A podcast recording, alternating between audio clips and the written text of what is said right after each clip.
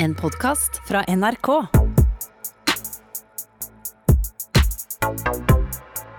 Velkommen til Røverradioen. Nå er vi i 2021. Nytt år er nye muligheter. Opp gjennom tidene har vi hørt noen kule historier fra forskjellige røvere. Vi tenkte at kanskje vi skulle gi lytterne våre noen av de gamle klassikerne. Mitt navn er Karim. Sammen med meg har jeg Sam. Hei, vi er jo på utsiden. Vi har jo sluppet ut av fengsel og er ferdig med alt det der pisset. Mm, forhåpentligvis. Og i dag skal vi høre om litt forskjellige ting. Ja. Kan du gi oss en liten smakebit? Ja, I løpet av sendinga skal vi høre om en eh, som jeg syns hadde en genial idé. På hvordan han skal rane mennesker og blande inn Jehovas vitner. Jehovas vitner. Ja, fy faen. Ja, Den har ikke jeg hørt, men vi skal i tillegg høre eh, om en mestertyv som nå lærer triks til de folka som han tidligere har stjålet fra. Så det også er ganske kult. Det, den, den overgangen der var kjørt. Altså. Ja. Og så skal vi høre om eh, de der eh, damene fra Bredtvet. Mm. På hvordan, de, hvordan man får seg venner i fengsla. Ja. Mm. Det blir spennende.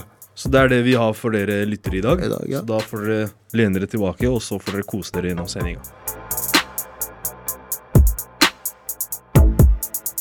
Hei, Sam. Yo, Ken. Kan du svømme, eller?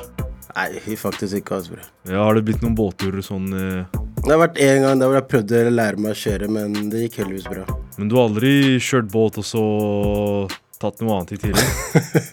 Nei, det er faktisk ikke, altså. Nei, vi skal nemlig høre, høre en eh, hel syk historie Eh, eh, om en eh, kar som vi kjenner godt, som eh, var på en liten båttur Riktig. utenom det vanlige. Så da hører vi fra Christian.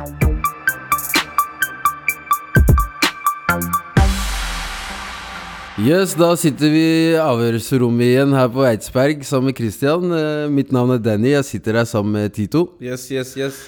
Ja, I dag skal vi bevege oss ut på sjøen, eh, Christian. Jo, eh, jo det starta jo på Larkollen camping, da. Vi satt der i båt og hørte på musikk. Og konsert, sånn sommernattstevne, eh, eller hva faen jeg kaller det. Og så når det var ferdig, så skulle vi jo kjøre tilbake fra Larkollen da, til Moss i båt. Og satte kursen hjemover, og så fikk jeg en telefon fra en kamerat som lurte på om vi kunne møte dem eh, ja, utafor eh, Moss, da, på en øy der ute. Og så jo, møttes vi der, og så var det jo så kort vei hjem, så jeg tenkte da kan jeg ta en liten dram til. Uh, så ja, gjorde jeg det, og så satte vi kursen hjemover, og så slapp jeg av eh, disse vennene mine av båten da, på brygga i Moss.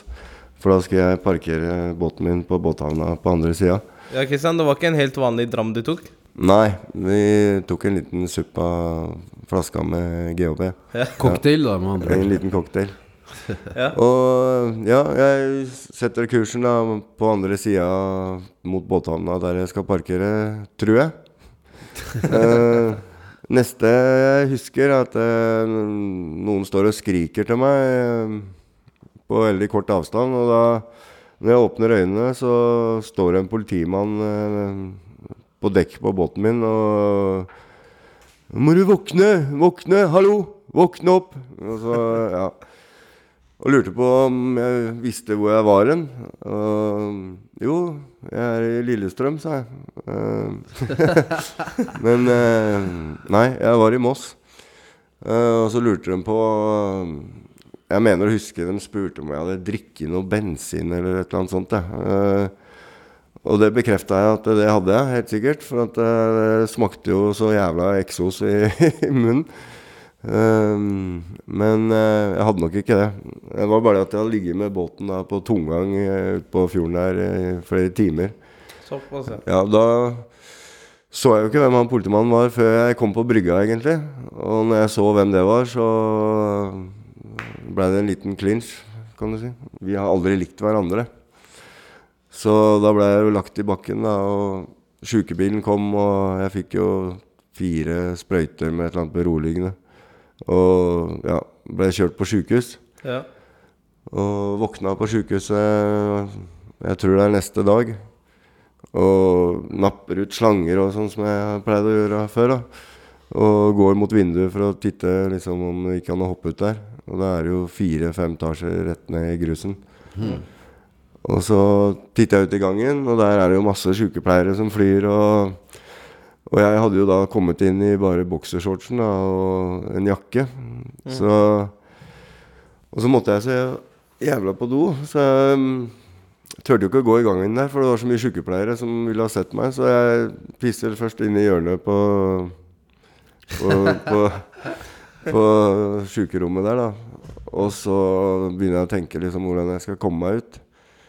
Eh, Så jeg du tenkte ikke på hvor eh, legemiddelskapet var? Nei, nei, nei. Det er jo bare om å gjøre å komme seg ut, liksom. Men uh, hvorfor var det så viktig å komme ut av sykehuset?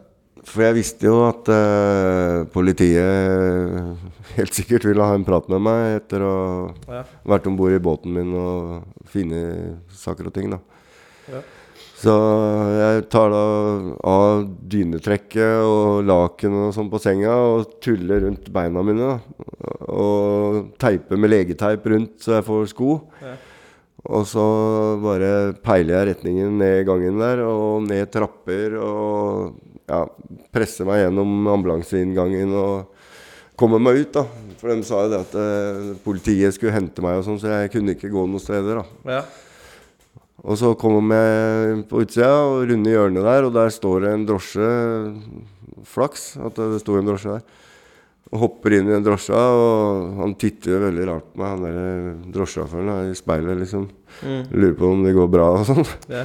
Jeg kommer jo ut der i boksershorts og jakke med, med disse hjemmelagde skoene mine. Og, og så jo, da, ber han meg kjøre meg til sonen, da. Og så ja, kjører han jo utrolig sakte hele veien. Så jeg trodde at politiet sto og venta borti gata der. Men eh, det gjorde de ikke. Jeg kom fram til slutt og fikk komme meg til ei venninne da, og fått noe klær og, og greier. Uh.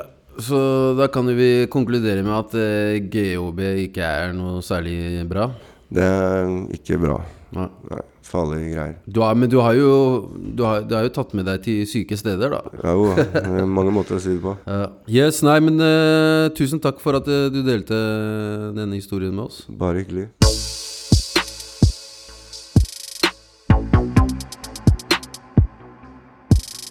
Ja, hva syns du om den eh, båtfortellingen, eh, Sam? Fy faen, det var skækk Det var skækk historie, altså. Røra. Ja. Det er ikke bra å kjøre båt og ta litt GHB samtidig. Nei, det er grunn til at de forbudet det, skal jeg Ja. si. Ja, så kanskje det er en veldig god idé der og da, men eh, ikke Det er ikke helt i hundre. Man er ikke helt i hundre, altså.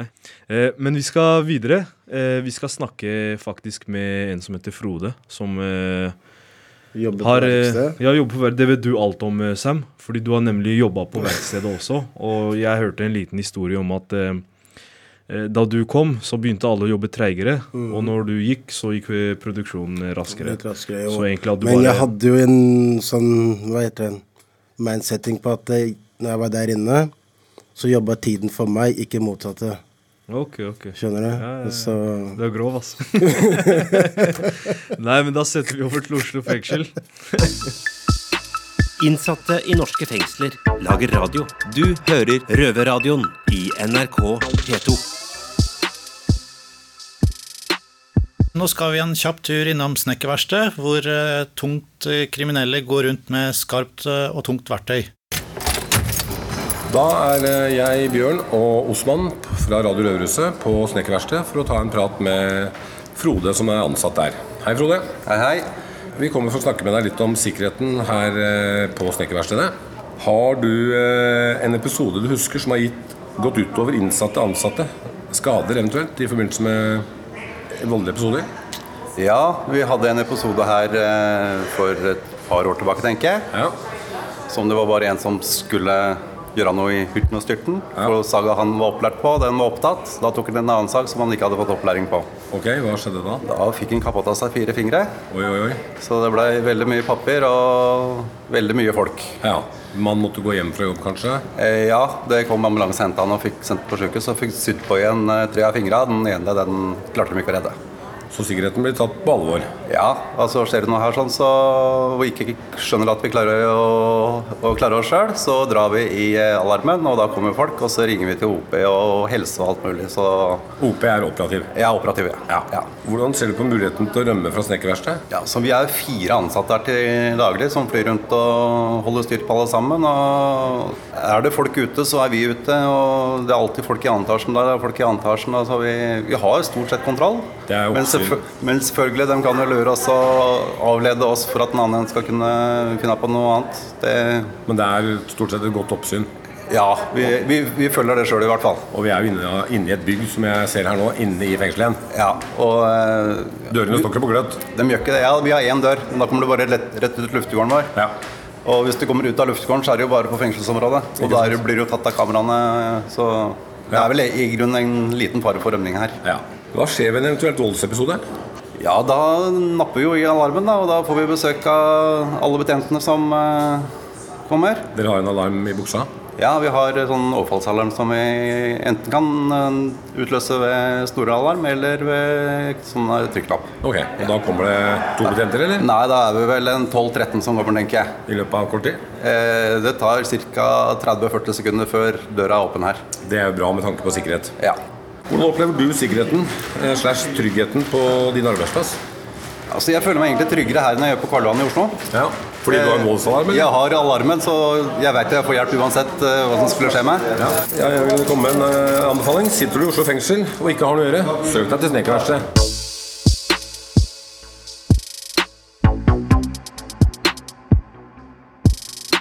Jo, Sam, har det noen gang skjedd noe vold på snekkeren mens du har vært der? Nei, ikke som jeg kan huske. altså. Bare eneste jeg husker, er bare en som prøvde å stikke av. Ja, Men du pleide ikke å ta med folk til gjøre noe, bare grise dem? Nei, ikke på snekkeren. Ikke på snekkeren. Det var andre steder. Andre steder. Ja. Men nok om snekkeren. Nå skal vi faktisk til eh, Oslo fengsel, eh, hvor vi har snakka med en mestertyv. Mhm. Eh, og før så levde han her da av å stjele fra folk, men nå lever han av å gi folk råd da, om å ikke bli bøffa. Jeg er spent å høre hva han har å si. Altså. Nei, nei, nei, men bare, bare, før vi hører det, hva, hva, hva syns du om det? liksom, At man bytter side? Det er litt ironi i saken, da, men uh... Ja, men da kjører vi.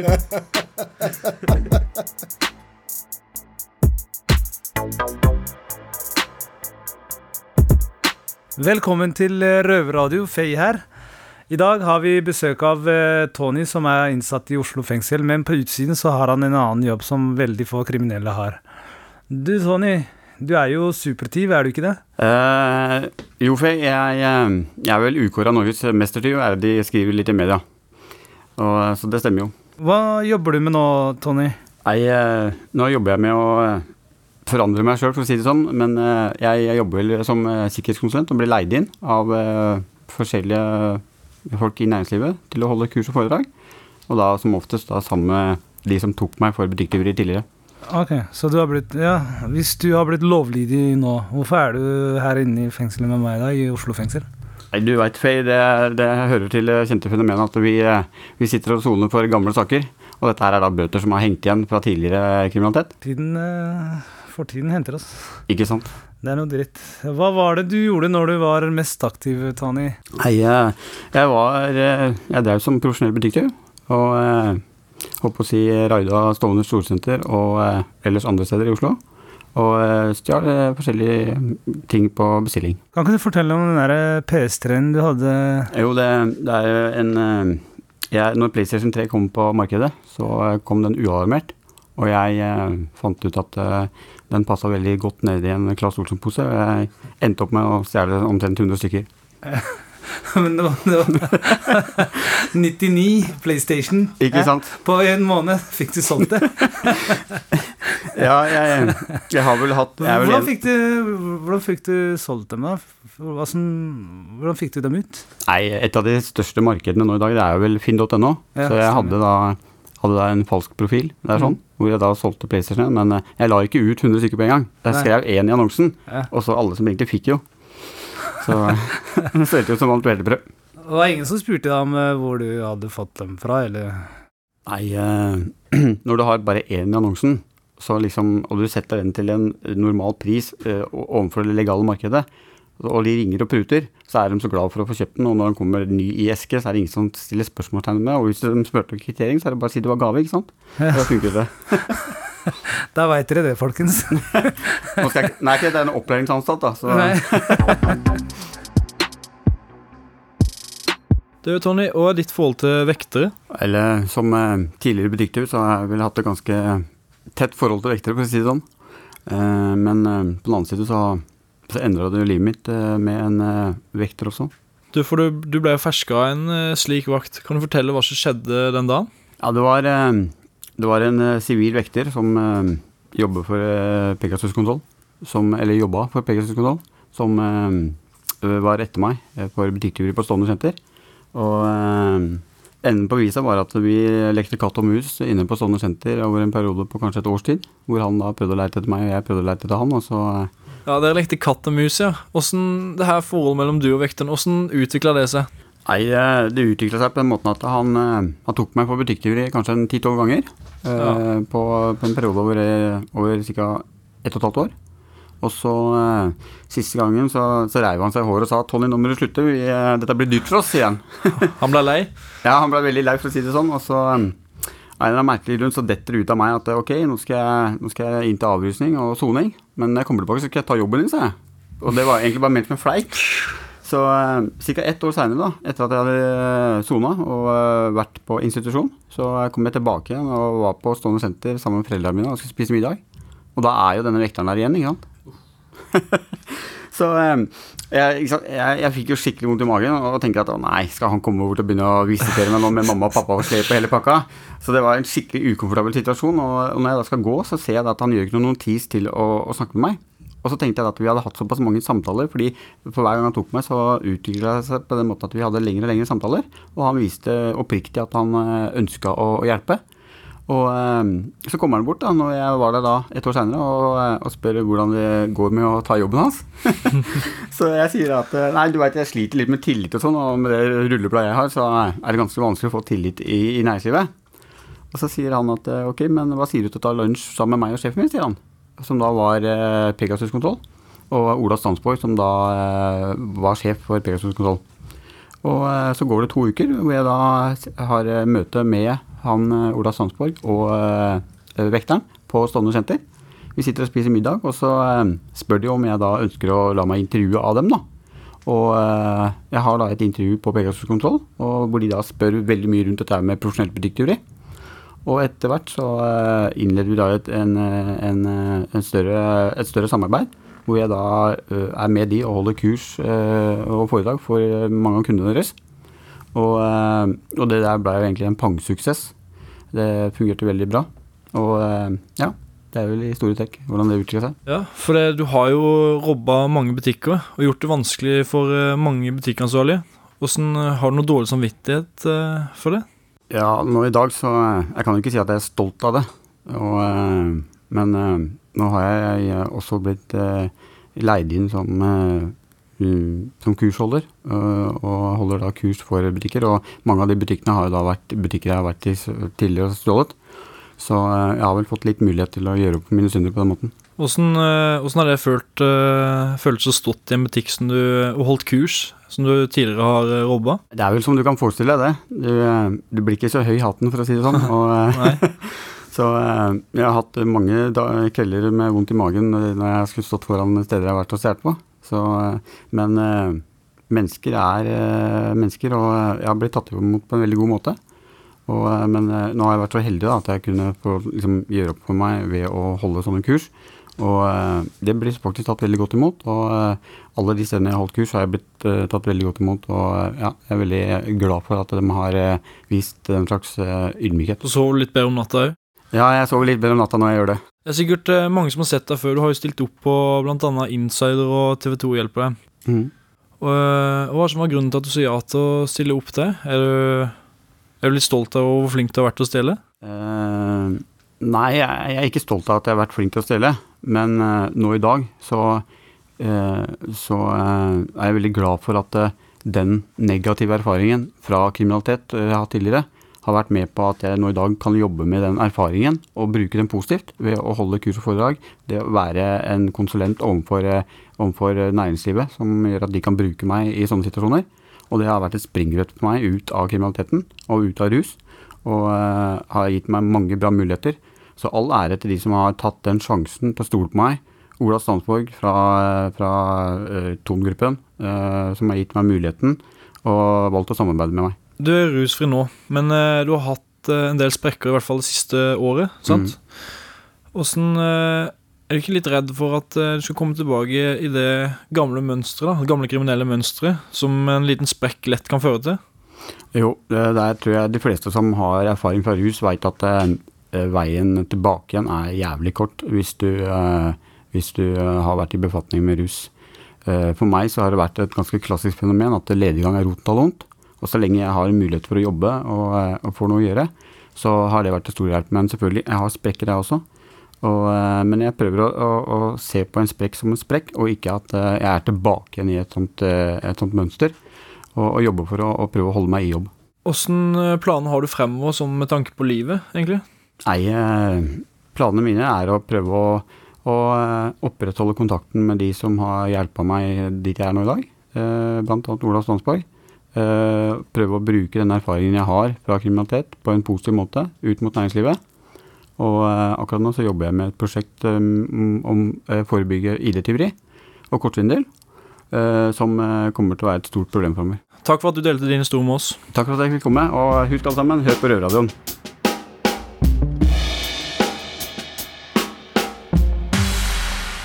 Da har vi hørt fra Mestertyven. Ja, fy fader, altså. Du, Kerim. Mm. Hvem hadde du ringt hvis du hadde blitt robba?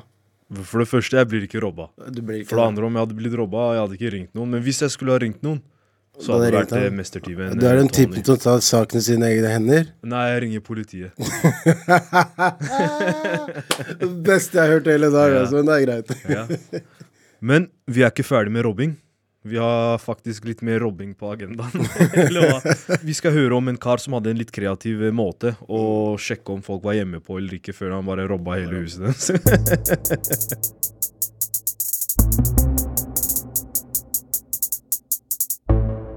Vi skal nå få noen tips og råd av Simen, som pleier å jobbe på dagtid istedenfor på natterstid som andre kriminelle. Ja, det hender jo man har fått tak i noen nøkler eller fått sette seg ut en eh, dør som ikke nødvendigvis er så vanskelig å få åpna. Eh, og på dagtid er jo stort sett folk på jobb, så da er det best å gå da. Eh, men eh, man må jo forsikre seg om at folk ikke er hjemme. Og da er det best å ikke stå og banke på uten å ha et, en unnskyldning for hvorfor man er der. Det er sant. Så da pleier jeg å ta meg en tur ned på, i Bogstadveien, på hovedkontoret til Jehovas vitner. Og si at jeg er en borgerlig konfirmasjonsleder og trenger noe studiemateriell til eh, elevene mine. Grovt. For de må jo opplyses om alle verdens religioner. Det er viktig. Så da får jeg en bunke med vaktårene, altså bladet deres. Og så står jeg med det i hånda utenfor når jeg banker på enten med de anskaffende nøklene i hånda eller i lomma, eller eh, Et brekkjern eller to. Et brekkjern eller lignende i, i sekken.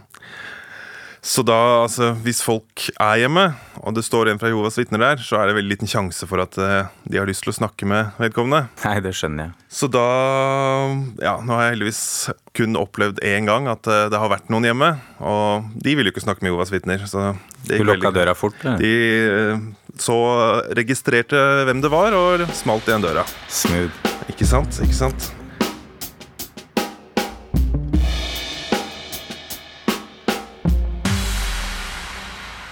Hva syns du om eh, robberen vår? Jeg syns han hadde en jævlig genial idé. ass. Kledde seg ut som eh, Jehovas eh, vitne og Ja, kom faen, med sånn hva hadde fucking- du gjort egentlig hvis det hadde kommet en type til deg på dere? Du, det er mange som er sånn derre Hei, hvis jeg noen gang får en sånn på døra mi, så skal jeg bare smelle igjen døra, ikke sant? Mhm. Men jeg tror at hvis jeg hadde fått en sånn Jehovas vitne på døra Mhm. Jeg hadde sagt til en kamerat 'kom inn, chiller'n'. Jeg hadde satt meg ned i stua, ikke sant. Jeg hadde tilbudt han en drink liksom, og en joint ved siden av. Ja, Du hadde det? Ja, ja, men ja, vet- bare for å få stemninga litt grann, og lette han litt. Grann, og sånn. Ja, du vet Jehova-vennene hans, de ser han ikke. Så han kan egentlig bare ja. Nei, men fuck det. Vi skal nemlig snakke om vennskap. Vennskap, ja. Okay. Og det å bli venner mens man sitter i fengsel. Jeg og du vi ble jo kjent mens vi satt i fengsel, Sam. Mm. Og vi satt sammen eh, en OK periode. Riktig. Ja. Og vi ble jo venner, og vi har jo fått masse andre venner. Ja, du må jo holde deg oppegående liksom, når du sitter her inne. Så det er greit å ha Det er greit å ha riktige folk rundt seg. Mm. Mm. Og det er nemlig det kvinnene på Bredtvet skal snakke om nå. Eh, og de skal fortelle oss litt om det kanskje med dårlige og gode venner, og hvordan man får venner.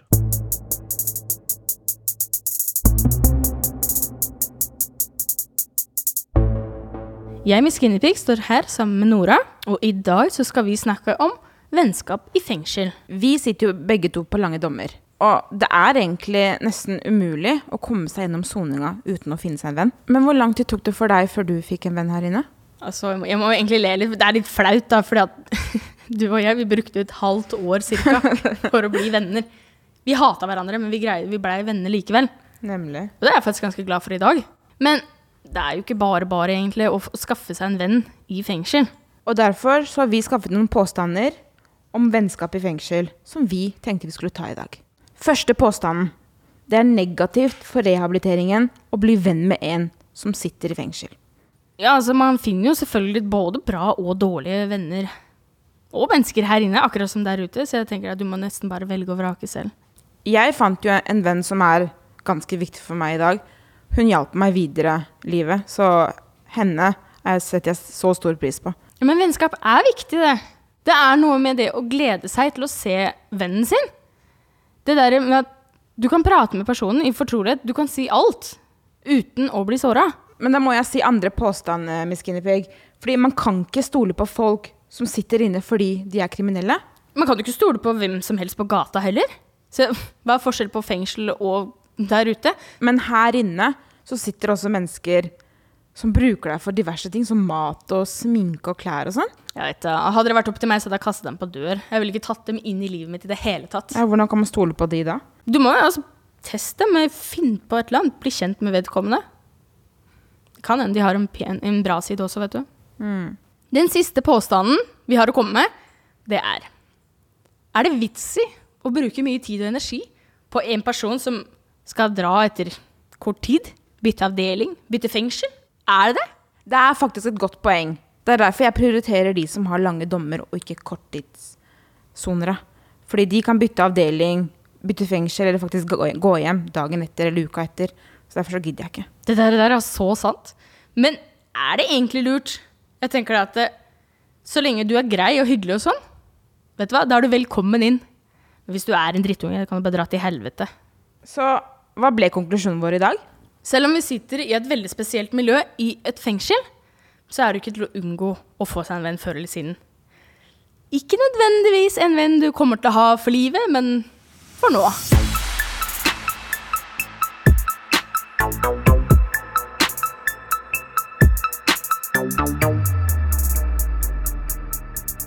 Ok, det var det vi hadde for i dag.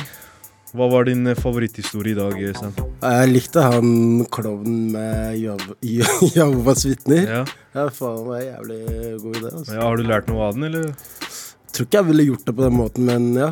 Nei. Mm. Men jeg syns det var en god idé. Ja. Jeg ikke hadde tenkt på før. Hva med deg? Hva likte du?